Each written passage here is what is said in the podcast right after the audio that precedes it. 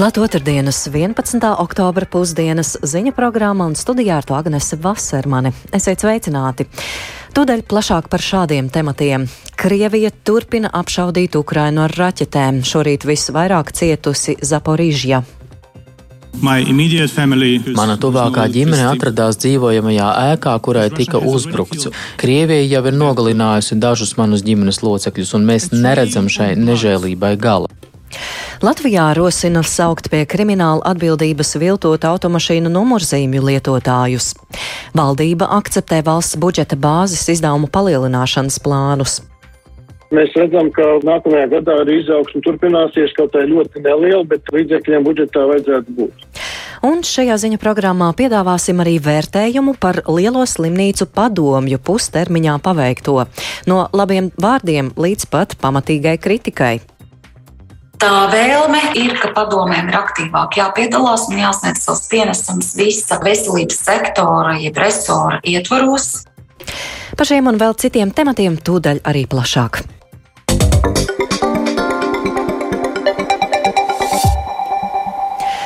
Pieaudzis bojā gājušo un ievainoto skaits pēc pirmdien notikušā Krievijas masveida raķešu uzbrukumu Ukrainas pilsētām. Seku likvidācija turpinās. Vairākās vietās Ukrainā joprojām ir problēmas ar elektroapgādi. Lai gan aizvadītā nakts ir pagājusi mierīgāk, otrdienas rītā Krievijas armija kārtējo reizi apšaudījusi ar raķetēm Zaporīžju un tajā esošos infrastruktūras objektus. Šorīt rīta pusē pienākušas ziņas arī par citu apgabalu apšaudēm ar raķetēm un droniem, tostarp Kīivas apgabalā. Plašāk stāsta Rihards Plūme. Pirmdien notikušā masveida raķešu uzbrukuma rezultātā bojā gājušo skaits pieaudzis līdz 19 cilvēkiem, bet ievainoto skaits sasniedzis 105 cilvēkus. Apšaudes rezultātā 12 Ukrainas reģionos un Kīvā izcēlās vairāk nekā 30 ugunsgrēki. Seku likvidēšanas darbi joprojām turpinās. Ukrainā joprojām pastāv problēmas ar energoapgādi, un tā nav pieslēgta aptuveni 300 apdzīvotām vietām. Šorīt tika ziņots, ka elektroapgāde atjaunota vairāk nekā 3500 apdzīvotām vietām. Kīvā un citos reģionos sākot ar šodienu periodiski tiks pārtraukta elektroapgāde atbildīgajām personām publicējot grafiku, kur un kad tas tiks darīts. Ukrainai arī nācies pārtraukt elektroenerģijas eksportu uz Eiropas Savienību, lai īstenotu savas energosistēmas stabilizāciju. No jūnija beigām līdz septembra vidum peļņa, ko Ukraina guvusi no elektroenerģijas eksporta, pārsniedza 112 miljonus eiro. Sudien. Krievija pirmdien veica vairāk nekā 84 raķešu un aviācijas triecienus mierīgām Ukrainas pilsētām. Tikmēr Ukrainas gaisa spēki un sauszemes spēku pretgaisa aizsardzība iznīcināja 43 ienaidnieku spārnotās raķetes un 13 dronus. Izdevums Forbes aplēsis, ka pirmdienas raķešu triecieni Krievijai varētu būt izmaksājuši no 400 līdz 700 miljoniem ASV dolāru. Ukrainas prezidents Valdemirs Zelenskis savā ikvakara uzrunā norādījis, ka valstī bija smaga diena, un tagad visā Ukrainā turpinās atjaunošanas darbi. Всі об'єкти, які були пошкоджені сьогоднішнім ударом російських терористів, ми відновимо. Atjaunosim visus objektus, kas tika bojāti šodienas Krievijas teroristu uzbrukumā. Tas ir tikai laika jautājums. Es uzdevu visām mūsu valsts struktūrām nodrošināt pēc iespējas ātrāku atjaunošanu. Krievi saka, ka vēlas iestumt Ukrainu atpakaļ 18. gadsimtā, bet viņi sevi iestūma daudz senākā laikmetā, mežoņu laikmetā, par kādiem viņi kļuva diezgan apzināti. Un Ukraina joprojām paliks 21. gadsimtā. Kīva ir redzējusi dažādus svešiniekus un pārdzīvojusi tos visus. Kīva arī pārdzīvos šo teroristu uzbrukumu, kuriem nav ne vēstures, ne tradīciju, ne kultūras. Tie ir īslaicīgi. Un pat ja viņi dzīvo jau 70 gadus, viņiem nav bijis pietiekami daudz laika, lai kaut ko saprastu. Зрозуміти. Jau vairākas dienas pēc kārtas tiek apšaudīta Zaporīžja, arī šonakt to skāra Krievu raķetes. Apšaudēja pakļauti infrastruktūras objekti un kopumā nokritušas 12 raķetes. Viena no raķetēm trāpījusi autosalonā, kur nogalināts viens cilvēks. Pirmdienas triecieni bija arī galvenais temats ANO ģenerālajā asamblējā, kas šonadēļ sanāksmē apspriež Krievijas paziņojumu par četru daļēji okupēto Ukrainas apgabalu aneksiju. Ko teikt par pirmdienas notikumiem bija arī Ukrainas vēstniekam ANO Serhijam Kīsam. My immediate family was in a residential building under attack Mana tuvākā ģimene atradās dzīvojamajā ēkā, kurai tika uzbrukts, un nevarēja nokļūt bumbu patversmē, jo nebija elektrības. Krievija jau ir nogalinājusi dažus manus ģimenes locekļus, un mēs neredzam šai nežēlībai gala. Aiz Krievijas delegācijas ieejot ģenerālajā asamblējā, paliek asiņu pēdas un apkārtni piepilda gruzdošas cilvēka miesas smaka. us Vairākās rietumvalstu galvaspilsētās vakar arī notika atbalsta pasākumi Ukrainai. Cilvēki protestēja pret Krievijas izvērsto karu, izskanēja aicinājumi Krieviju pasludināt par teroristisku valsti un rietumiem sniegt plašāku palīdzību Ukrainai. Krievijas pirmdien īstenoto uzbrukumu un tālāku rietumu atbalstu Ukrainai šodien apspriedīs G7 valstis. Līderiem pievienosies Ukrainas prezidents. Sagaidāms, ka Brītu premjera Liza Trasa kolēģiem uzstās, ka tie ne par kripatu nedrīkst samazināt sniegto atbalstu Ukrainai. Izskan ziņas, ka trase arī ierosinās NATO dalībvalstu ārkārtas samitu saistībā ar Krievijas raķešu uzbrukumiem Ukrainai. Rihards Plūme, Latvijas radio.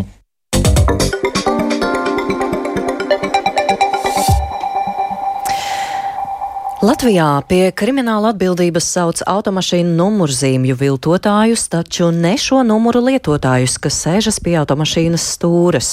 Lai ievērotu samērīgumu, regulējumā jāievieš korekcijas, uzskata politiķi. Šī diskusija kļuva aktuāla septembra sākumā, kad pilsētās arvien biežāk parādījās automašīnas ar it kā Krievijas numuriem, taču ar sektu valsts piedarību. Vai šādu viltotu numurzīmju lietotājus automašīnu vadītājus tiesājus sauks pie krimināla atbildības, par to interesējās Linda Spundiņa. Pagājušajā mēnesī arvien biežāk uz Latvijas ceļiem iedzīvotāji novēroja automašīnas ar viltotām vai pārveidotām numurzīmēm. Nereti tās bija Krievijas federācijas numurzīmes, kur tika maskēta valsts piedarība. Šīs darbības vaininieki attaisnoja ar izvairīšanos no uzbrukumiem, kas varētu tikt vērsti pret viņiem kā Krievijas iedzīvotājiem. Septembra sākumā šādi gadījumi konstatēti desmitiem reižu. Saistībā ar to uzsākti 15 administratīvie procesi. Policija norāda, ka šobrīd problemātika ir mazinājusies. Turpina valsts policijas galvenās krimināla policijas pārvaldes krimināla izlūkošanas vadības pārvaldes otrās nodaļas galvenā inspektore Antra Stradiņa. Par viltotajām Krievijas valsts numurzīmēm Rīgā šobrīd ir uzsākti trīs šādi krimināli procesi. Visos gadījumos numurzīmes tiek izņemtas un tiek veikta attiecīga ekspertīze. Autotransports ir izņemts vienā gadījumā, kad nav bijis iespējams noskaidrot viņu īstu piedarību. Pārējās divos gadījumos transporta līdzekļi ir atdot atpakaļ īpašniekam. Šobrīd, jā, ir situācija tāda, kad par braukšanu ar šādām izmainītām numuru zīmēm ir tikai paredzēta administratīva atbildība. Kļūda ir tajā, ka saukt pie krimināla atbildības var tikai numurzīmju viltotājus, bet ne auto vadītājus, kas izmanto viltotas numurzīmes. Uz to norāda Saimnes krimināltiesību politikas apakškomisijas vadītājs Andrēs Judins no jaunās vienotības. Viņi ieskatos šādas darbības vajadzētu kriminalizēt. Ja kāds vilto dokumentu, mēs saprotam, tas ir nopietni. Ja, tad eh, tā ir savā būtībā dokuments, ar kuru mēs varam identificēt transporta līdzekli. Un, ja kāds veic šādas darbības, būtībā piesavinoties valsts funkciju, ja, tad eh, valsts var tieši tad rīkoties tikai šādā veidā. Manuprāt, tas ir pietiekami kaitīgi. Krimināla atbildības piemērošanas iespējas skaidro ģenerālprokurors Juris Stukāns. Ja mēs uzsāksim kriminālu procesu, nu, ja mēs runājam par Krievu pilsoņiem, nu, tad vienīgais e, iedarbīgākais variants ir arestēt automašīnu un pēc tam lemt par viņu konfiskāciju. Jo, lai Krievijas pilsoņi sauktu pie atbildības, droši vien tas nebūs iespējams. Jo šobrīd viņam administratīvu atbildību var uzreiz attiecīgi noformēt. Tomēr ar numurzīmju duplikātiem aizraujas ne tikai Krievijas pilsoņi, teica valsts policijas galvenās kārtības policijas pārvaldes satiksmes drošības pārvaldes priekšnieks Juris Jančevskis. Arī iepriekš no mūsu pilsoņiem arī bija šādi līdzīgi gadījumi, kad tika izmainīti vai viltoti. Nu, proti, gadījumos, kad cilvēkam ir šī individuālā reģistrācijas numurzīme vai arī izvēles numurzīme, un lai cilvēks viņu nenozaudētu vai viņu, viņu nenozaudētu, tad viņš vienkārši uztaisīja duplikātu un brauca ar šo duplikātu. Orģinālās numurzīmes parasti atradās vai automašīnas bagāžniekā vai mājās. Politiķi plāno rosināt noteikti krimināla atbildību arī par viltotu numurzīmu lietošanu. Linda Spundiņa, Latvijas radio.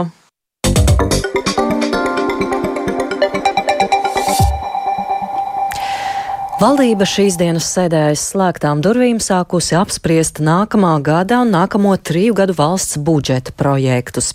Šie dokumenti top ņemot vērā Covid pandēmijas un Krievijas izvērstās agresijas Ukrainā nestās sekas. Nebūtu nevienkāršo budžeta veidošanu pētīja Jānis Kīncis. Finanšu ministrija valsts pamatbudžeta bāzes izdevumus 2023. gadam lēš ap 9,8 miljardiem eiro. Tas ir par 1 miljardu eiro vairāk nekā šogad, un tas saistāms ar inflācijas būtisko ietekmi. Savukārt aiznākamajā gadā izdevumi lēsti par apmēram pusmiljardu eiro lielāki nekā šogad. Šā gada un nākamā gada budžetā ap miljardu eiro paredzēts izmantot energoresursu krīzes atbalsta mehānismiem. Tāpat turpmākajos trīs gados pakāpeniski paredzēts palielināt aizsardzības nozares izdevumus līdz 2,5% no iekšzemes koprodukta. Nākamgad augs pedagoģu atalgojums, tāpat speciālajā budžetā vairāk paredzēts pensijām un pabalstiem.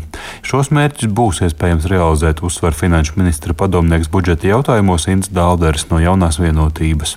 Lai arī mēs redzam, ka visā Eiropā ne tikai draud recesija, nu tad mēs tomēr redzam, ka vismaz pēc šī brīža prognozēm, pēc kurām mēs vadamies, pieņemot šo bāzes budžeta, prognozi mēs redzam, ka vēl nākamajā gadā arī izaugsme turpināsies, kaut tā ļoti neliela, bet līdz ar to arī līdzekļiem budžetā vajadzētu būt. Lai gan arī budžeta ieņēmumi pārsniedz prognozes, būs jāsaglabā piesardzība ar papildus izdevumiem, lai budžetu noturētu rāmjos, atzīst ministrijā. Tāpēc arī aizņemto naudu, par ko finansē budžeta deficītu, būs jātērē piesardzīgi. Turklāt turpmākajos gados valsts parāda apkalpošana būs dārgāka, atzīst Ints Daldaris. Pēdējos gados valsts kasa ir rīkojusies ļoti apdomīgi pārfinansējot jau iepriekš ņemtās aizdevumus ar uh, daudz zemākām likmēm un ilgākiem termiņiem. Līdz ar to nu, mums, mēs redzam, ka mēs šo parādu savu vadību, ja mēs pēkšņi neizdomājam kādas uh, ārkārtas ļoti liels aizņēmumus veidot, mēs viņu varam noturēt tiešām daudz maz saprotamos rāmjos. Arī mūsu kredītreitings ir vēsturiski joprojām augstākajā līmenī. Līdz ar to nu, mums nav šobrīd bažu par to, ka, ka varētu būt problēmas ar šī mūsu parādu pārfinansēšanu. Nākamā gada budžeta un trīs gadu budžeta plānus sagatavos jau nākamā valdība un darbu ar šiem dokumentiem gadiem turpinās nākamā saima būtiski mainītā sastāvā. Tomēr turpmākajos gados valsts budžetā galvenās prioritātes ar augošu finansējuma apjomu nemainīsies. Tās ir sociālā joma, tā skaitā pensiju un pabalstu pieaugums, izglītības nozare, ieskaitot lielāku finansējumu mācību spēku atalgojumam, tāpat arī pakāpeniski lielāks finansējums aizsardzības jomai. Jānis Kincis, Latvijas Radio. Tātad nākamgad budžeta deficīts ir plānots 3,3% apmērā no iekšzemes koprodukta, bet valsts parāds 43% no IKP. To paredz iesniegšanā Eiropas komisijai sagatavotais un valdības apstiprinātais Latvijas vispārējās valdības budžeta plāna projekts. Jau 14. gadu uzņēmumu atvērto durvju nedēļas laikā 60 darba devēji visā Latvijā aicina pie sevis jaunos speciālistus, lai iepazīstinātu tos ar darba un prakses iespējām. Korespondente Linda Zalāne skaidroja, cik daudz un kurās nozarēs uzņēmumi darbiniekus meklē visvairāk un kādas ir uzņēmumu gaidas piedaloties šādā pasākumā. Plašāk tātad viņas veidotajā ierakstā. Šī gada atvērtajās durvju dienās uzņēmumi kopumā piedāvā apmēram 1200 jaunu darba vietu, un tie vēlas tiešsaistē un arī klātienē iepazīties ar potenciāliem darbiniekiem, parādīt savu biroju un ražošanas telpas, kā arī atklāt, kāda izskatītos ikdiena, ja darbinieks izlemtu strādāt kādā konkrētā uzņēmumā. Jauniešu karjeras portāla prakse.lv pārstāve Rebeka Grīnfelda stāsta, ka projekta mērķis ir parādīt jaunajiem speciālistiem reālās darba tirgus perspektīvas Latvijā un palīdzēt tiem veiksmīgāk integrēties darba tirgu. Interesi par uzņēmumu apmeklēšanu šogad izrādījuši 5000 cilvēku. Bet, ja palūkojas uz sasniegto pagātnē, tad 14 gados darba vietu atraduši jau vairāk nekā 6700 jaunie speciālisti. Rebeka Grīnfelda uzsver, kuru nozara uzņēmumi darbiniekus meklē visnaskāk jau kā pāris gadus IT nozare ir noteikti top nozare, kurā meklē darbiniekus. Tātad viss, kas ir saistīts ar tehnoloģijām, datorsistēmām un tas, kas šogad ir būvniecība, kurā ir ļoti daudz uzņēmumu un arī piedāvā dažādas spektrs būvniecībā. Finanses arī vienmēr ir bijis top, tā, tur mēs varam skatīties gan uz bankām, gan uz visādu pakalpojumu sniegšanu finanšu tirgu. Ir uzņēmumi, kas atvērtajās durvju dienās uzreiz meklē darbiniekus, bet ir tādi, kas piedāvā prakses vietas. Jā, mums ir ļoti daudz jaunie speciālisti, kas nāk no um, augstskolām un uh, tehniskām, tātad profesionālajām skolām, un viņiem ir svarīgi šīs prakses, bet darbinieki ir vajadzīgi, un viņi meklē šos darbiniekus, tāpēc arī piedāvā jebkuram jauniem speciālistam, kurš grib nomainīt varbūt sfēru vai saprot kaut ko citu, tur arī ir iespēja atrast šīs vietiņas. IT infrastruktūras uzņēmums Atejā Global Services atvērtajās durvju dienās piedalās jau vairākus gadus. Tā teica uzņēmuma pārstāve Daniela Rubule. Atvērtajām durvju dienām ir tā unikālā lieta, kad mēs varam uzrunāt vairākus cilvēkus, tā kā diezgan plašu loku. Tur būs ne tikai studenti, koledžu vai vidusskolu absolventi, bet arī cilvēki, kas potenciāli grib mainīt savus karjeras. Protams, vairāk gan specializējamies tieši uz studentiem, jo redzam arī, un tā ir industrijas tāda tendence, ka diemžēl IT studentu skaits krītās katru gadu, un tad ir jau forši, ka varam arī jau tādā ātrākā vecumā cilvēks uzrunāt uh, vidusskolās un arī koledžās un parunāt vispār par to, kāpēc izglītība šajā jomā ir uh, svarīga. Arī Citadela banka ir regulārs atvērto durvju dienu dalībnieks, jo saprot, ka darba tirgus nākotnē ir jaunie darbinieki un jaunieši, un šādi vēlas veicināt, lai tiem būtu iespēja sākt pirmo darba pieredzi tieši bankā, teica Citadelas pārstāve Evita Karlsone. No katra pasākuma saņemam nezinu, līdz desmit vairāk pieteikumus, tad, tad izrādīt to interesi uz praksi vai pat uz darba pieredzi pirmo, no kuriem arī līdz trījiem mēdz arī kļūt par mūsu patstāvīgiem darbiniekiem, kas ir pietiekami tiešām labs rādījums. Kopumā šobrīd darba tirgus noteikti nav bagātīgs ar darbiniekiem. Latvijas tirgus kopumā ir diezgan mazs un tiešām daudz cilvēku jaunieši dodas prom uz ārzemēm, kas arī ietekmē uzņēmumu. Karsone uzsver, ka ir svarīgi jauniešiem jau skolas solā pastāstīt, ka Latvijā ir uzņēmumi, kas ir gatavi sniegt prakses vietas, kurās neprasa uzreiz konkrētā amata iemaņas un pieredzi. Linda Zalāne, Latvijas radio.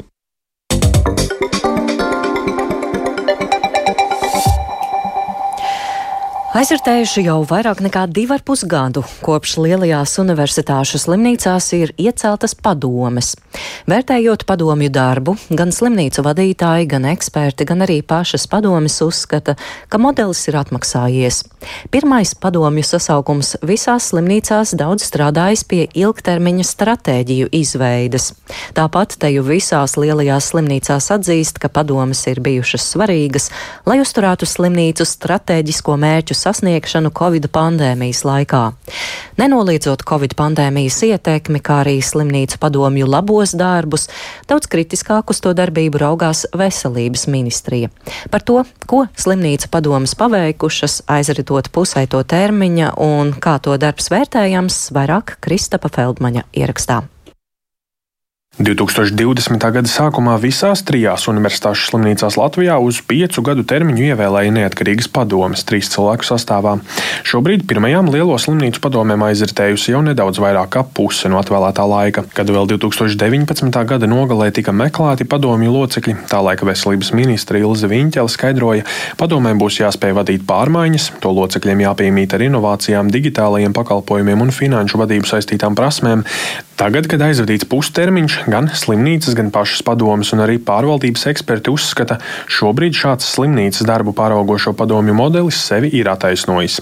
Piemēram, Bērnu Kliniskās universitātes slimnīcas valdes locekle Milūta Riekstiņa uzsver, padomas atbalsts bijis ļoti svarīgs Covid pandēmijas laikā, jo ļāvis sadalīt darbus, kas krīzes apstākļos bijis ļoti svarīgi. Es teiktu, ka padome šajā brīdī bija ļoti noderīga, jo padome bija tā, kas turēja šo stratēģijas realizēšanas uzraudzību. Jo vienlaicīgi mēs tiešām apzinājāmies, ka mums no krīzes ir jātiek laukā ar šiem tiešām neplānotajiem un ārkārtas apstākļiem. Tad šajā brīdī, jā, es teiktu, ka padomu tiešām bija noderīga un mēs turējām arī šo stratēģisko attīstības virzienu. Mēs noteikti kā slimnīca bijām ieguvēji. Gan bērnu slimnīcas padome, gan valde sadarbību vērtē kā labu. Savukārt Paula Stradiņa Kliniskās universitātes slimnīcas valdes priekšsēdētājs Rināls Muciņš padomas un valdes sadarbību vērtē kā lietišķu, konstruktīvu un veiksmīgu. Stradiņas slimnīcas padomē kopš tās izveidošanas strādā Juris Lapš, Reinis Ceplis un lietuviešu eksperts Renaldes Jurkevičijus, kurš ir arī Kaunas slimnīcas ģenerāldirektors un kardiologs. Viņš uzsver, Lietuvā šāda divu soļu valdes un padomas kārtība nav ieviesta, tādēļ strādājot slimnīcas vadībā Lietuvā un padomas darbā Latvijā, Jurkevičijus varējis abas sistēmas salīdzināt un padomju modeli Latvijā atzīst par labāku. As a council, we are supervising board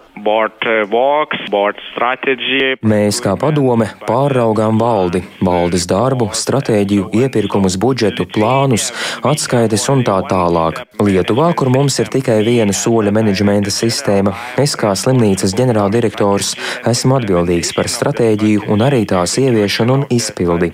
Tas nozīmē, ka es izveidoju stratēģiju un sevi kontrolēju es pats, kā es to pildu. Es uzskatu, ka kopumā Latvijā jums ir progresīvāk labāka slimnīcu vadīšanas sistēma.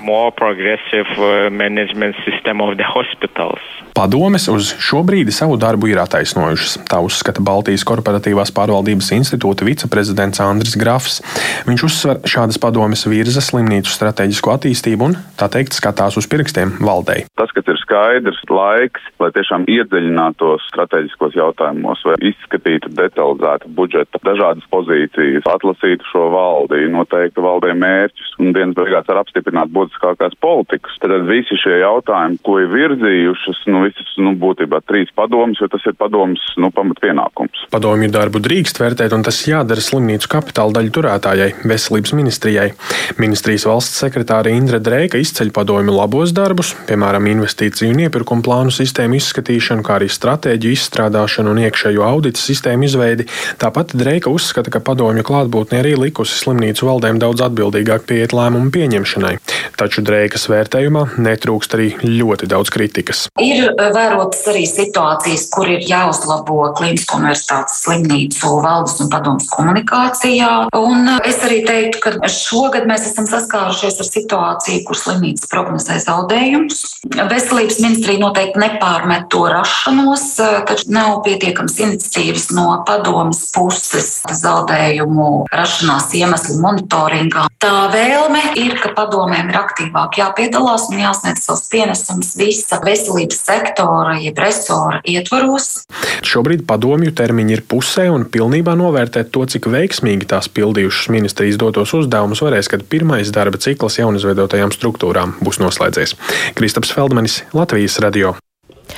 Un autovadītāju ievērībai no šodienas visā valsts autoceļu tīklā maksimālais atļaušais braukšanas ātrums atkal ir samazināts līdz 90 km/h.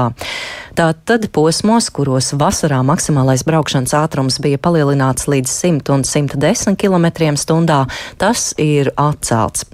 Paaugstinātais maksimālais ātrums līdz šodienai bija uz Vidzemes šosejas posmā no Tallinas šosejas līdz Sēnītei, uz Ventspils šosejas posmā no Rīgas līdz Jūrmalai, uz Tallinas šosejas Salkrastu apveceļa, uz Daugopils šosejas posmā no Salaspils līdz Ikšķilei, kā arī valsts reģionālā autoceļa tīnūži koku Loknesa posmā. Šajās vietās tātad atkal nedrīkst braukt ātrāk par 90 km/h, lai neapdraudētu ne sevi, ne citus. Būvdarbu sezona uz Latvijas ceļiem gan turpinās, tāpēc atsevišķos ceļu posmos joprojām ir jārēķinās ar satiksmes ierobežojumiem.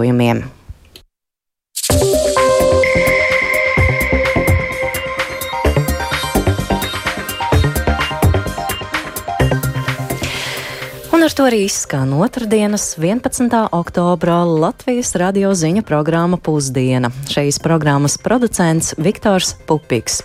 Ierakstus šoreiz montēja Kaspars Groskops, pie skaņa pults Katrīna Bramberga, bet studijā Agnese Vasermane. Un vēlreiz īsi par būtiskāko. Krievija turpina apšaudīt Ukrainu ar raķetēm. Šorīt visvairāk cietusi Zaporīžie. Pieaudzis arī bojāgājušo un ievainoto skaits pēc vakar notikušā Krievijas masveida raķešu uzbrukuma daudzām Ukrainas pilsētām. Latvijā rosina saukt pie krimināla atbildības viltotu automašīnu numurzīmju lietotājus, kas sēžas pie autostūras, ne tikai šo numuru viltotājus. Valdība akceptē valsts budžeta bāzes izdevumu palielināšanas plānus, bet Lielo slimnīcu padomju pustermiņā paveiktā vērtējums ir no labiem vārdiem līdz pat pamatīgai kritikai.